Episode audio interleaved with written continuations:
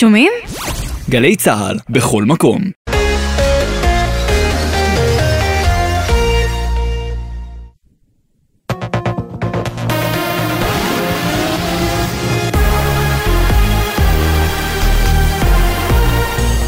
גלי צה"ל השעה שבע, שלום רב באולפן גל אשד עם מה שקורה עכשיו. רעידות האדמה בטורקיה, מניין ההרוגים ברעידה שהכתה בטורקיה ובסוריה לפנות בוקר עלה ליותר מ-2,300 בני אדם, ועל פי דיווחים מספר הפצועים עומד על עשרת אלפים. משלחת סיוע של צה"ל, משרד הביטחון ומשרד החוץ המריאה הערב לטורקיה. מוקדם יותר היום הודיע ראש הממשלה נתניהו כי ישראל תשלח חבילת סיוע גם לסוריה. דוד סרנגה, חבר המשלחת מטעם משרד החוץ, סיפר לעידן קבלר ביומן הערב על תוכניות החילוץ והעזרה בטורקיה.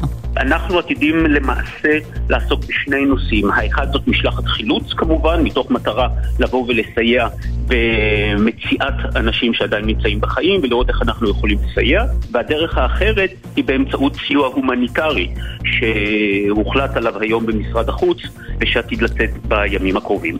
הנשיא הרצוג שוחח לפני זמן קצר עם נשיא טורקיה ארדואן, שהודה לו על הסיוע הישראלי והביע תנחומים על הפיגוע בנווה יעקב. ברקע הדיווחים על פנייה של גורם מדיני לסיוע ישראלי בסוריה, דמשק מכחישה את הפנייה. מדווח פרשננו לענייני ערבים ג'קי חוגי. גורם בדמשק אומר לעיתון הסורי אל-וואטן, לא ביקשנו סיוע, מדובר בדברי תעמולה של ראש הממשלה. אותו גורם הוסיף, כיצד נבקש עזרה מישות אויב שהרגה והשתתפה בהריגת סורים במשך עשרות שנים? כתבת חדשות החוץ עומר עזרן מעדכנת שגם ארצות הברית הודיעה על שליחת סיוע לטורקיה ולסוריה.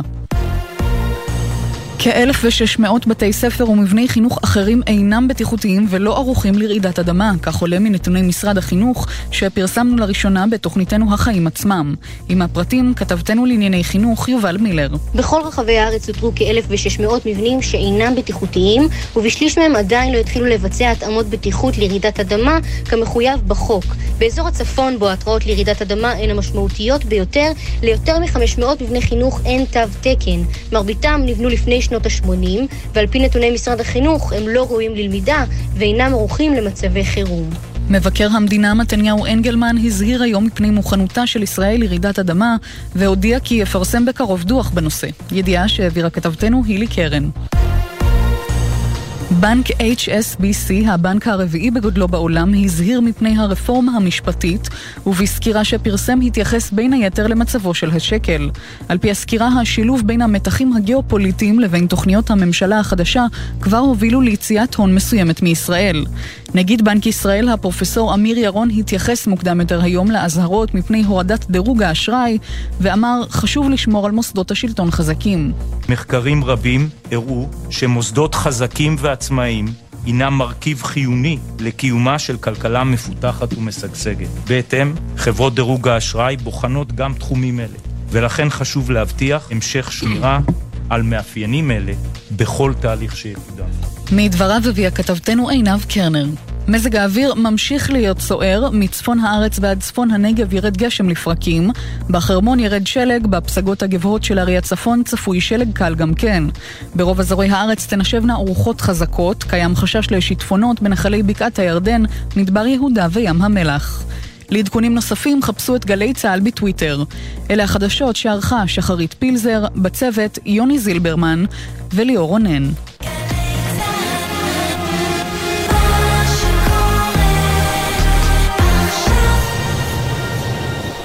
בחסות ביטוח ישיר המציע למצטרפים עד שלושה חודשים מתנה בביטוח המקיף לרכב. ביטוח ישיר, איי-די-איי חברה לביטוח, כפוף לתקנון.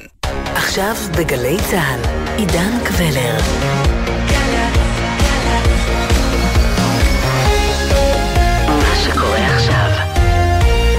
שלום לכם, מאולפן 360 ביום, ההסכת היומי של גלי צה"ל.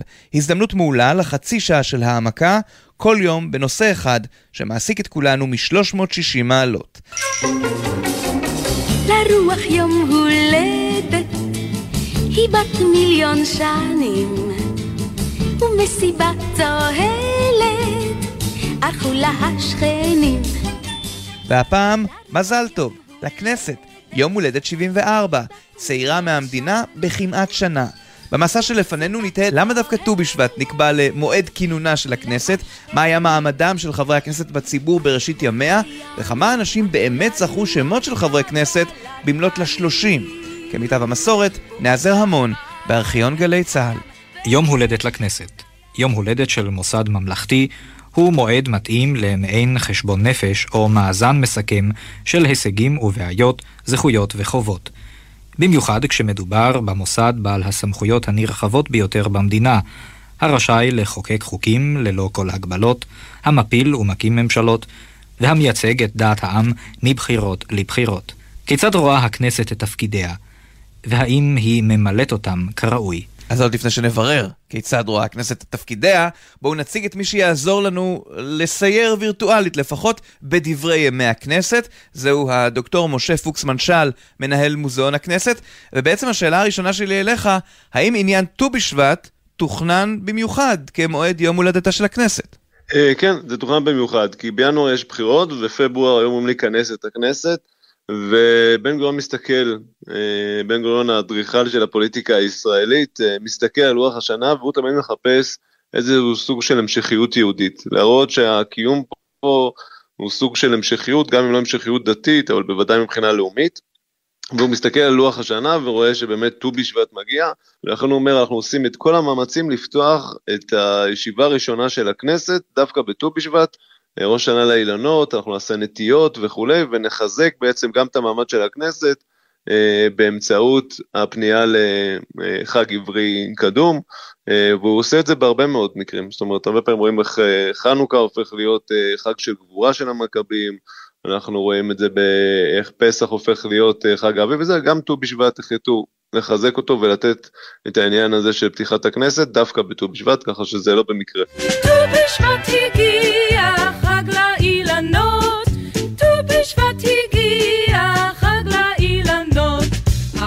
שלום רב לכם גברתי ורבותיי. בט"ו בשבט לפני 30 שנה התאספו כמה עשרות קרואים על הכביש שהוליך אז לירושלים ונטעו שתילי עצים. הם היו נרגשים מאוד כעוסקים במעשה בראשית ונשאו נאומים ארוכים. לא כל השתילים שנטעו החזיקו מעמד, במשך השנים נוספו במקומם אחרים. היער של שער הגיא ידע במשך השנים סערות ופגיעות, אך הוא נראה היום כאילו היה שם תמיד. תחושת הראשוניות שבה נטעו אותו נשכחה. כמה מהמשתתפים בטקס הנטיעה הוא מיהרו עם סיומו אל בניין הסוכנות היהודית כדי להשתתף בעוד אחד ממעשי הבראשית של הימים ההם. בשעה ארבע אחר הצהריים הצטופפו שם 114 עסקנים לבושים בחליפות שבת, שישה אחרים שאמורים היו להיות שם נעדרו. הם הקשיבו לנאום מפי חיים ויצמן, נשבעו אימונים, שרו את התקווה, ושוב היו נרגשים מאוד. כל זאת, אף לפני שהסכימו ביניהם כיצד יקראו לאספתם. רק יומיים לאחר מכן החליטו כי שמה יהיה הכנסת הראשונה. מיכה פרידמן, כתבנו, הוא רק נולד כשאתה כבר ישבת בכנסת, עבר על דברי הכנסת וקולותיה וליקט את מה שנראה לנו היום כרגעים הגדולים בתולדותיה.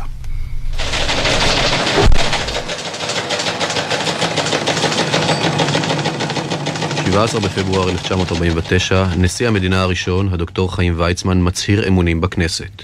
חייב לשמור על חוקי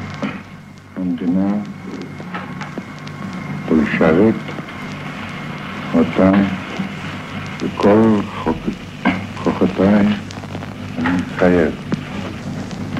יחי הנשיא! 4 במאי 1949, שר האספקה והקיצוב, הדוקטור דוב יוסף, מביא לכנסת את תוכנית הממשלה להנהגת משטר צנע. אדוני היושב ראש, כנסת נכבדה, עם שמוכרח לקלוט המוני עולים, להקים להם בתים, ליישב אותם, לבנות שממות הארץ. מה יכול עם זה לעשות? מה יעשה? ינהיג משטר צנע של הפסקת בזבוז כסף, ספסרות ורווחים מופרזים. והתקופה הזאת של משטר הצנע אפיינה גם את העשור הראשון והאלים במיוחד למדינת ישראל. אלים, מכיוון שאם אתם חשים היום שהחברה שלנו מפולגת, מקוטבת, כזו המצויה על סף מלחמת אחים, ובכן, דוקטור משה פוקס מנשל, אתה מספר לנו שפעם זה היה הרבה יותר גרוע. הייתי אומר שהיה עשור שהייתי קורא לה עשור הקיצוניות של הפוליטיקה הישראלית. אה, אם יש לנו נגיד את משפט קסטנר ויש מישהו שלא מרוצה מפסק הדין, או מזה שלא גזרו עליו עונש מספיק קשה, אז בא מישהו ומתנקש בקסטנר אחרי המשפט. ואנחנו רואים את זה בזריקת רימון בכנסת. 29 באוקטובר 1957, רימון יד מוטל מציע הקהל ומתפוצץ על יד שולחן הממשלה באמצע נאומו של חבר הכנסת יצחק רפאל. ניתן לנו להיאבק על עזרתו באמצעות דעת הקהל החופשית שלו.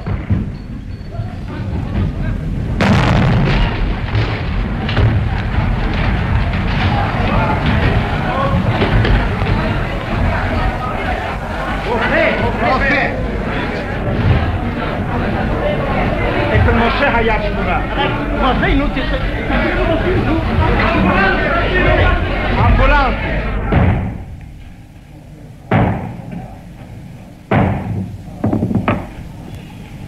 אני מתכבד לחדש את ישיבת הכנסת אשר נפסקה על ידי מעשה נבלה של התנגשות נפצעו ראש הממשלה. דוד בן גוריון והשרים משה שפירא, שרת החוץ גולדה מאיר שר התחבורה משה כרמל. וזריקת הרימון הייתה אחד האירועים המשמעותיים, שלא לומר הטרגיים כמעט, אבל משה פוקס מנשל זה לא הסתכם בזה. ויש עוד ניסיונות התנגשות, ואנחנו רואים את זה בהרבה מאוד אה, מקומות אחרים בעשור הראשון, כשמישהו לא מרוצה מ... המדיניות של הממשלה כלפי ברית המועצות שהיא רודפת את היהודים, אז מגיע אזרח ושם פצצה ומפוצץ את השגרירות הסובייטית ברוטשילד באמצע תל אביב. זאת אומרת, יש פה עשור של קיצוניות, ולכן גם האמצעים מצד השלטון ובן גוריון שהיה דמות מאוד סמכותנית, גם הם מאוד דרקונים, אנחנו יודעים שמוצאים מכשירי האזנה במשרדים של מפלגות פוליטיות, כמו אצל מפ"ם, אה, ונתפסים שני אנשים שבאו להחליף את הבטריה בלילה של מכשיר ההאזנה שם, ואחר כך הם משתחררים באופן פלא, אה, ואנחנו יודעים על זה שמנחם בגין מספר על זה שהוא מגיע הביתה ושני אנשים נמלטים מהחלון והוא רואה שחיפשו במסמכיו. אה, אנחנו גם רואים את הטאבו הפוליטי, שיש מפלגות שהן מוקצות מחמת מיאוס. בן גוריון, כולם זוכרים שהוא אומר את המשפט, מדבר על בלי חירות ומק"י, זאת אומרת יש מפלגות שהן פסולות לשום קואליציה, לא קואליציה אה, בכנסת וגם לא קואליציה בעיר, בעירוני ולא קואליציה בשום מקום אחר. אה, זאת אומרת, כן, יש פה אדם אחד שמנווט אה, ביד מאוד קשה את זה, וגם צריך לחשוב על זה שהיה שלטון מאוד, הייתי אומר, דומיננטי של מפלגה אחת. זאת אומרת, קצינים בצבא וכולי, הם חברי מפלגה. אה, יש מכתבים בארכיון שאומר, אה, בן גוריון מכנה את הרמטכ"ל נציגנו הבכיר בצבא. כן, כן, כך זה היה. חשבתם שהיום זה נראה לכם כאוטי לחלוטין, אירוע בדוגמת תוהו ובוהו. אבל אם כבר ממשיכים בהשוואות להיום, בואו נדבר על קץ הדמוקרטיה. כלומר, גם אז חששו לדמוקרטיה, גם אם המדינה לא בדיוק הייתה דמוקרטית, ובכל זאת, שימו לב לניסיונות לשנות את שיטת הממשל, או המשטר אם תרצו. יהודה בן מאיר, חבר הכנסת מטעם המפד"ל, דיבר על מה שמטריד אותו. צריך להבטיח במדינת ישראל שלא תהיה שיטה שתעוות את הדמוקרטיה. משום שאנחנו חברה חדשה וצעירה, מדינה בהתפתחות, חברה בהתהוות, ויש פה הרבה זרמים ודעות שונות, ושסתום הביטחון היא שלכולם יש ביטוי בכנסת. כן, אז גם במפד"ל חיפשו שסתום ביטחון, וזה מה שהמפלגה שלו הייתה מוכנה אז לעשות. המפד"ל אה, באופן עקרוני אמרה שהיא מוכנה לשקול ולדון בשינוי שיטת הבחירות. אנחנו לא נצמדים אה, אה, לשיטה הנוכחית, זה לא נחלת אבות, זה לא תורה מסיני, ואנחנו מוכנים, אה, וחתמנו הסכם שמוכנים לדון על אפשרות שינוי השיטה, אבל אני רוצה פה להזהיר בשני דברים. א', מי שחושב ששינוי השיטה זו התרופה לכל חוליינו ומדובינו, עושה שגיאה חמורה מאוד. צדק חבר הכנסת האוזן, אחת הדוגמאות הטובות לזה זה דש. הם קודם כל רואים אותה נס הדגל של שינוי שיטת הבחירות, עד שראו שזה לא הנושא המכריע בדעת הקהל ועזבו את זה מהר כבר בתעמולה שלהם כנושא מרכזי ובלעדי. ב', ראינו דש חידשה איזו שיטה חדשה של בחירת חברי כנסת, עשה רושם מדיר בציבור, היו הצבעות, היו זה, ראינו מה התוצאה, למה היא הביאה. את התוצאה הזאת אנחנו ראינו, לכן צריך להיזהר. אז אפרופו להיזהר, דוקטור משה פוקסמן שאל, ספר לנו קצת על הניסיונות לשנות פה שיטת ממשל או משטר, דברים שקצת מזכירים לנו את uh, היום מבחינת רפורמה משפטית? היה ניסיונות uh, לשנות את uh, שיטת הבחירות של ישראל, הרי כשהוקמה הכנסת, אז uh, הייתה הכרעה של בן גוריון uh, אם ללכת לשיטות, uh, שיטה יחסית או שיטה שהיא יותר גם uh, אזורית, כי אנחנו סך הכל גם מאוד מזכירים את הדגם הבריטי ורצו לאמץ גם את החלק הזה של השיטה הבריטית. ובן גוריון הכריע על השיטה היחסית בגלל שהוא רצה שיהיה באמת כמה שיותר קולות, היה צריך לבנות מדינה, אנחנו היינו באמצע מלחמה, ולכן אה, הוא רצה כמה שיותר תמיכה מכל גווני העם, ולכן הוא רצה שיטה יחסית, שיהיה לנו גם את החרדים וגם את הקומוניסטים וגם את חירות וגם את כל המיעוטים שיש בחברה הישראלית שייכנסו לכנסת ויהיה להם קול, אבל אה, מהר מאוד אחר כך בן גוריון אומר, אני טעיתי, זו הייתה טעות קשה, וקשה לנהל מאוד אה, את המדינה בצורה הזאת. אם אתה רואה את המספר הממשלות הרבות שבן גוריון, אה, בתוך כנסת אחת אנחנו מגיעים לפעמים לארבע ממשלות, שבן גוריון מפטר ומקים מחדש, מפטר ומקים מחדש, ולכן אחד מה, הייתי אומר, מהדגלים של בן גוריון היה המעבר לשיטת בחירות אה, אזורית. וזה היה מאבק מאוד קשה, כי המפלגות הקטנות ידעו שזה בעצם הסוף שלהם, זה בעצם גזר דין מוות למפלגות הקטנות, אה, וגם הייתי אומר למפלגות האופוזיציה, כי אז הם ידעו שתהיה פה קואליציה עם הרבה יותר מ-60 או משהו, אלא זה תהיה אה, קואליציה של מפלגה אחת שתוכל לשלוט עד 80-90 מנדטים. בכנסת הם יושבים, עלינו הם עובדים, לקחו החסכונות, ויש מי שרצה כל כך לשנות, עד כדי שהוא חשב גם על שינוי ימי העבודה בכנסת. זה לא קרה עד היום. אני גם מאמין, אה, אם אה, להיות קצת נביא, אה, שהכנסת במקום שלושה ימי דיון תרחיב את הדיונים שלה לארבעה ימים. מפני שהדבר הזה הוא חשוב מאוד, אנחנו היום לא מספיקים בשלושת הימים לדון בכל הדברים. אני מבין שכולם מסכימים ל... לא, אני יודע אם כולם... אנחנו הצענו את זה, אני לא מאמין גם זה שגם זה יתקבל. אה, אבל מותר...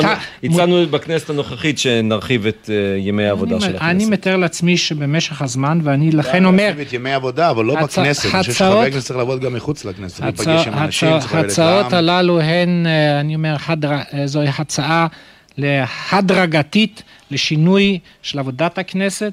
כך חברי הכנסת, במלאת לשלושים, באולפן גלי צה"ל, מתווכחים על האם להרחיב את ימי העבודה או לא.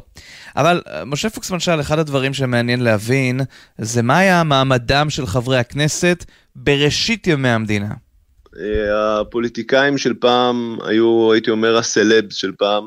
אם זה בא לידי ביטוי בזה שמחוץ לכנסת יש אה, קבוצות גדולות של ילדים עם פנקסי חתימות, כדי שהחברי כנסת יבואו ויחתמו להם אה, בפנקסים, אה, דבר שמאוד הראה על ההערצה שיש אה, כלפי המנהיגות. אני חושב שהמרחק בין המנהיגים לבין העם היה הרבה יותר רחוק מאשר הזמינות שיש לנו היום, והייתי אומר ההכרה ממש אישית, ובחדשות כל יום וכולי, ולכן אני חושב שזה יצר מרחק, וזה יצר גם סוג של הערצה שהולכת ומתפוגגת עם השנים אה, לחברי הכנסת אה, ולשרים, דבר שאין לנו אותו היום.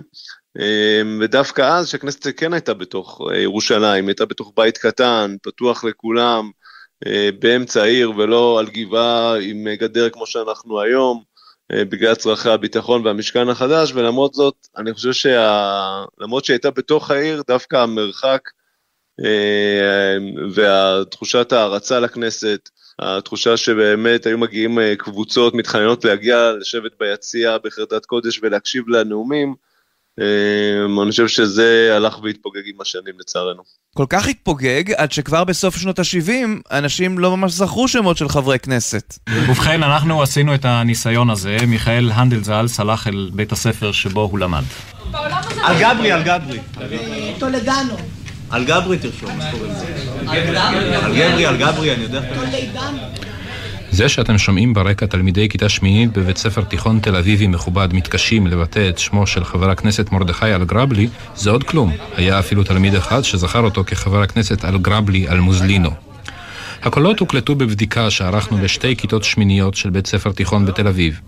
בשתי הכיתות, במגמה ריאלית ובמגמה חברתית, ביקשנו מן התלמידים להעריך כמה חברי כנסת הם יכולים לזכור בשמותיהם ולנסות להרכיב את רשימת השמות. לצורך זה הקצבנו להם רבע שעה. ובכן, נבדקו 59 שאלונים. באופן כללי זכרו התלמידים יותר שמות משחשבו שהם זוכרים. רובם הימרו על 20 עד 30 שמות. כמעט מחצית מהנשאלים זכרו בין 30 ל-40 שמות חברי כנסת. אף אחד מהם לא זכר פחות מעשרה שמות. 15% זכרו בין 10 ל-20 שמות, 15% זכרו בין 20 ל-30 שמות, 15% זכרו בין 40 ל-50 שמות, ושישה מבין 59, כמעט עשירית מהנשאלים, זכרו בין 50 ל-60 שמות של חברי כנסת. אחרי הבדיקה האינדיבידואלית ערכנו עבודה קולקטיבית, שאת הדעה אתם שומעים ברקע, וכאן הגיעו בשתי הכיתות לכמעט 100 שמות של חברי כנסת. השמות שנזכרו כמעט ללא כל קושי היו שמותיהם של חברי הממשלה, וכמו כן אורי אבנרי, לובה אליאב, שולמית אלוני, צ'רלי ביטון, יוסי שריד, אבא אבן, גאולה כהן. בין חברי הכנסת ששמותיהם לא הוזכרו בכלל היו איתן לבני, יצחק ברמן, יצחק פרץ, משה מרון, נפתלי פדר, ספדין זועבי, אליעזר אבטבי, חנה מויס, שפיק אסד וחבר הכנסת אברמוביץ'. בין הטעויות הנפוצות מצאנו כי 14 בין הנשאלים סברו שגם לובה אליאב וגם אורי אבנרי הם חברי כנסת. 13 חשבו שחיים לנדאו הוא חבר כנסת. שישה חשבו שבכנסת הנוכחית חברים גם אלימלך רימלט ומאיר זורע. כן, תודו שאהבתם את ה-name dropping, את השלכת השמות של כוכבי הכנסת בסוף שנות ה-70. כן, גם אז כבר לא באמת זכרו שמות של חברי כנסת, אבל בכל זאת, משה פוקסמן שאל אם ללכת לרגע לענייני מהות, הרי שכבר אז היה מי שזעק, יש כאן הפיכה משטרית, יש כאן הפיכה שלטונית. אם אנחנו מסתכלים על המצב היום והמאבקים שיש היום שמעסיקים מאוד את הכנסת, אז uh, הם בעצם מתחילים uh, עוד פעם בישיבה הראשונה של הכנסת. אנחנו צריכים לזכור שבינואר 49 תושבי מדינת ישראל הולכים להצביע לא עבור כנסת, אלא עבור אספה מכוננת. זה היו הבחירות, הבחירות לאספה המכוננת, על מנת שהאספה שתתכנס תחליט על חוקה, תכתוב את הפרקים של החוקה ותתפזר, ורק אז יתחיל בעצם המשטר הדמוקרטי הרגיל של מדינת ישראל.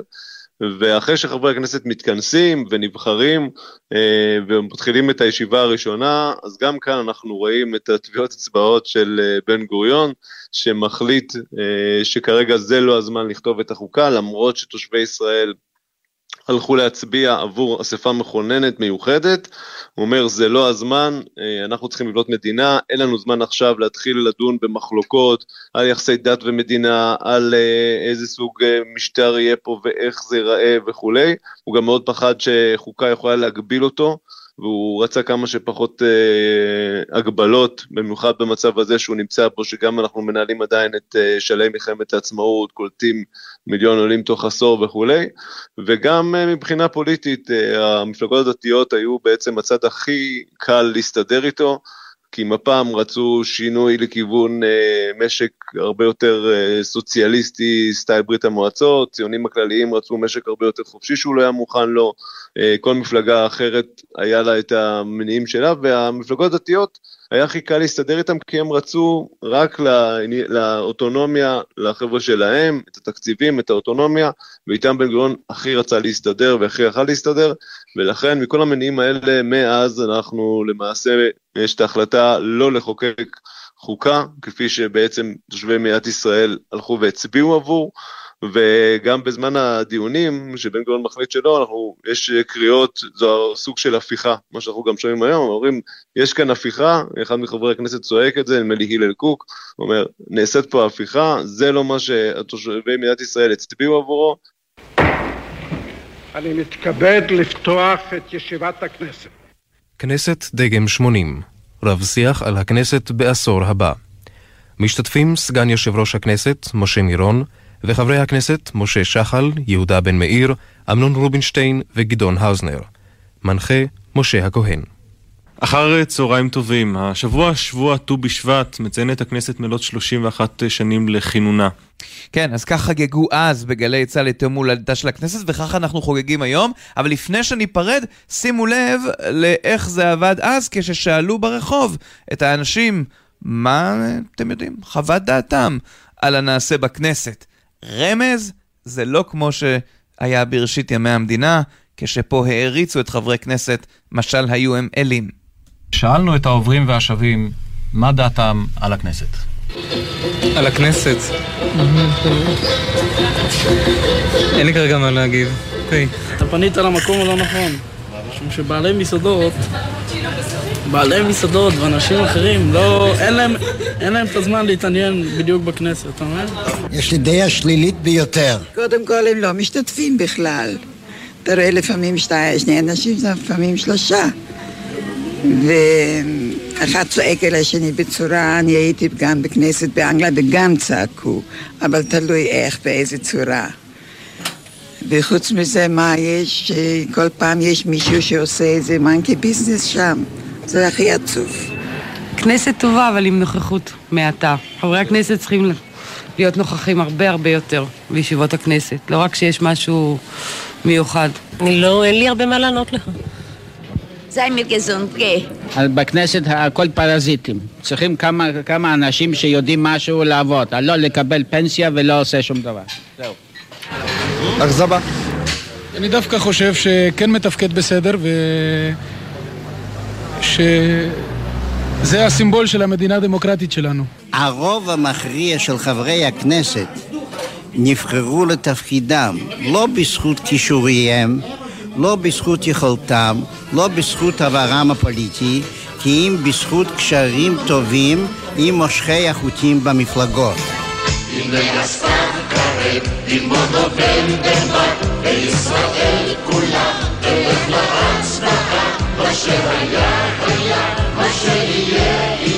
וכנראה שכלום לא ישתנה. נו, ונדמה לי שעל זה יש מי שיחתום גם היום 43 שנים אחרי שלקט הקולות הזה הוקלט. זהו זה, עד כאן 360 ביום על יום הולדתה של הכנסת. 360 ביום, נזכיר לכם, ההסכת היומי של גלי צה"ל, בכל יום 30 דקות של צלילה לתוך נושא אחד, שמעסיק את כולנו מ-360 מעלות. אנחנו זמינים לכם ביישומון גלי צה"ל ובכל יישומוני ההסכתים המובילים. אני מקום ראשון בשביעיות. העורך שלנו הוא נמרוד פפרני, על הביצוע הטכני, הדר נהיר ואורי ריב. עורך הדיגיטל הוא יוסי ריס. אני עידן קבלר. שלום.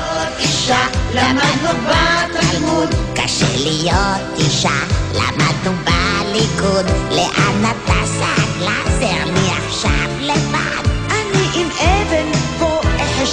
בצד. נכון שאימא יש תמיד אחת ודי, אבל גם אבא אין יותר מדי. אל תהפוך את הדף, עזוב את התווים. עכשיו קולות דקים, עכשיו קולות עבים. עם ישראל צריך לשיר בהקהלה. בעניין קול, שלא תגידו אף מילה. מה שהיה היה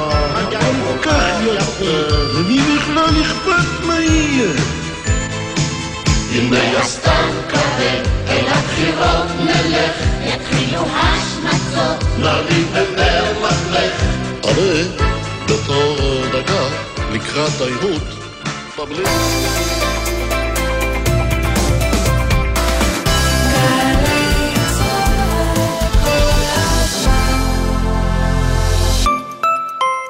למקומות. אתם מרגישים שהקריירה עומדת במקום? הנה ההזדמנות להגיע רחוק יותר. מצטרפים לתעשייה הישראלית, הקולטת אלפי עובדים ועובדות במגוון תחומים, ונהנים מתנאים מעולים, תפקידים מעניינים, קידום, שכר גבוה, והכי חשוב, ביקוש תמידי שיכול להבטיח עתיד יציב ובטוח. תעשייה ישראלית, קריירה מרתקת, מתחילה כאן. לפרטים חפשו ברשת תעשיינים בישראל, משרד הכלכלה והתעשייה והתאחדות התעשיינים בישראל. שלום, שומעים אותי? יש לי שאלה. לאן תרצו להתקדם מכאן? בתשעה בפברואר, ביום הפתוח בבראודה, מחכה לכם מגוון אפשרויות. מבחר תוכניות לימוד לתואר ראשון או שני בהנדסה, מכינות להנדסה ולימודי הוראה למהנדסים. להתראות בתשעה בפברואר, ונתקדם מכאן. בראודה, כוכבית 9099 לאחר 150 פרקים של מאבק במפלצות, מכשפות, ערפדים, רובוטים וגיבורים, האחיות גרים יוצאות למסע מחוץ לרדיו. נועה מנהיים ואיילת טריאסט יוצאות מהרדיו למפגש מאזינים חד פעמי. הסכת חי בבית אריאלה בתל אביב על יצירותיו של J.R.R. טולקין, מחבר טרילוגיית שר הטבעות. הכניסה חופשית על בסיס מקום פנוי. מחר, שבע וחצי בערב,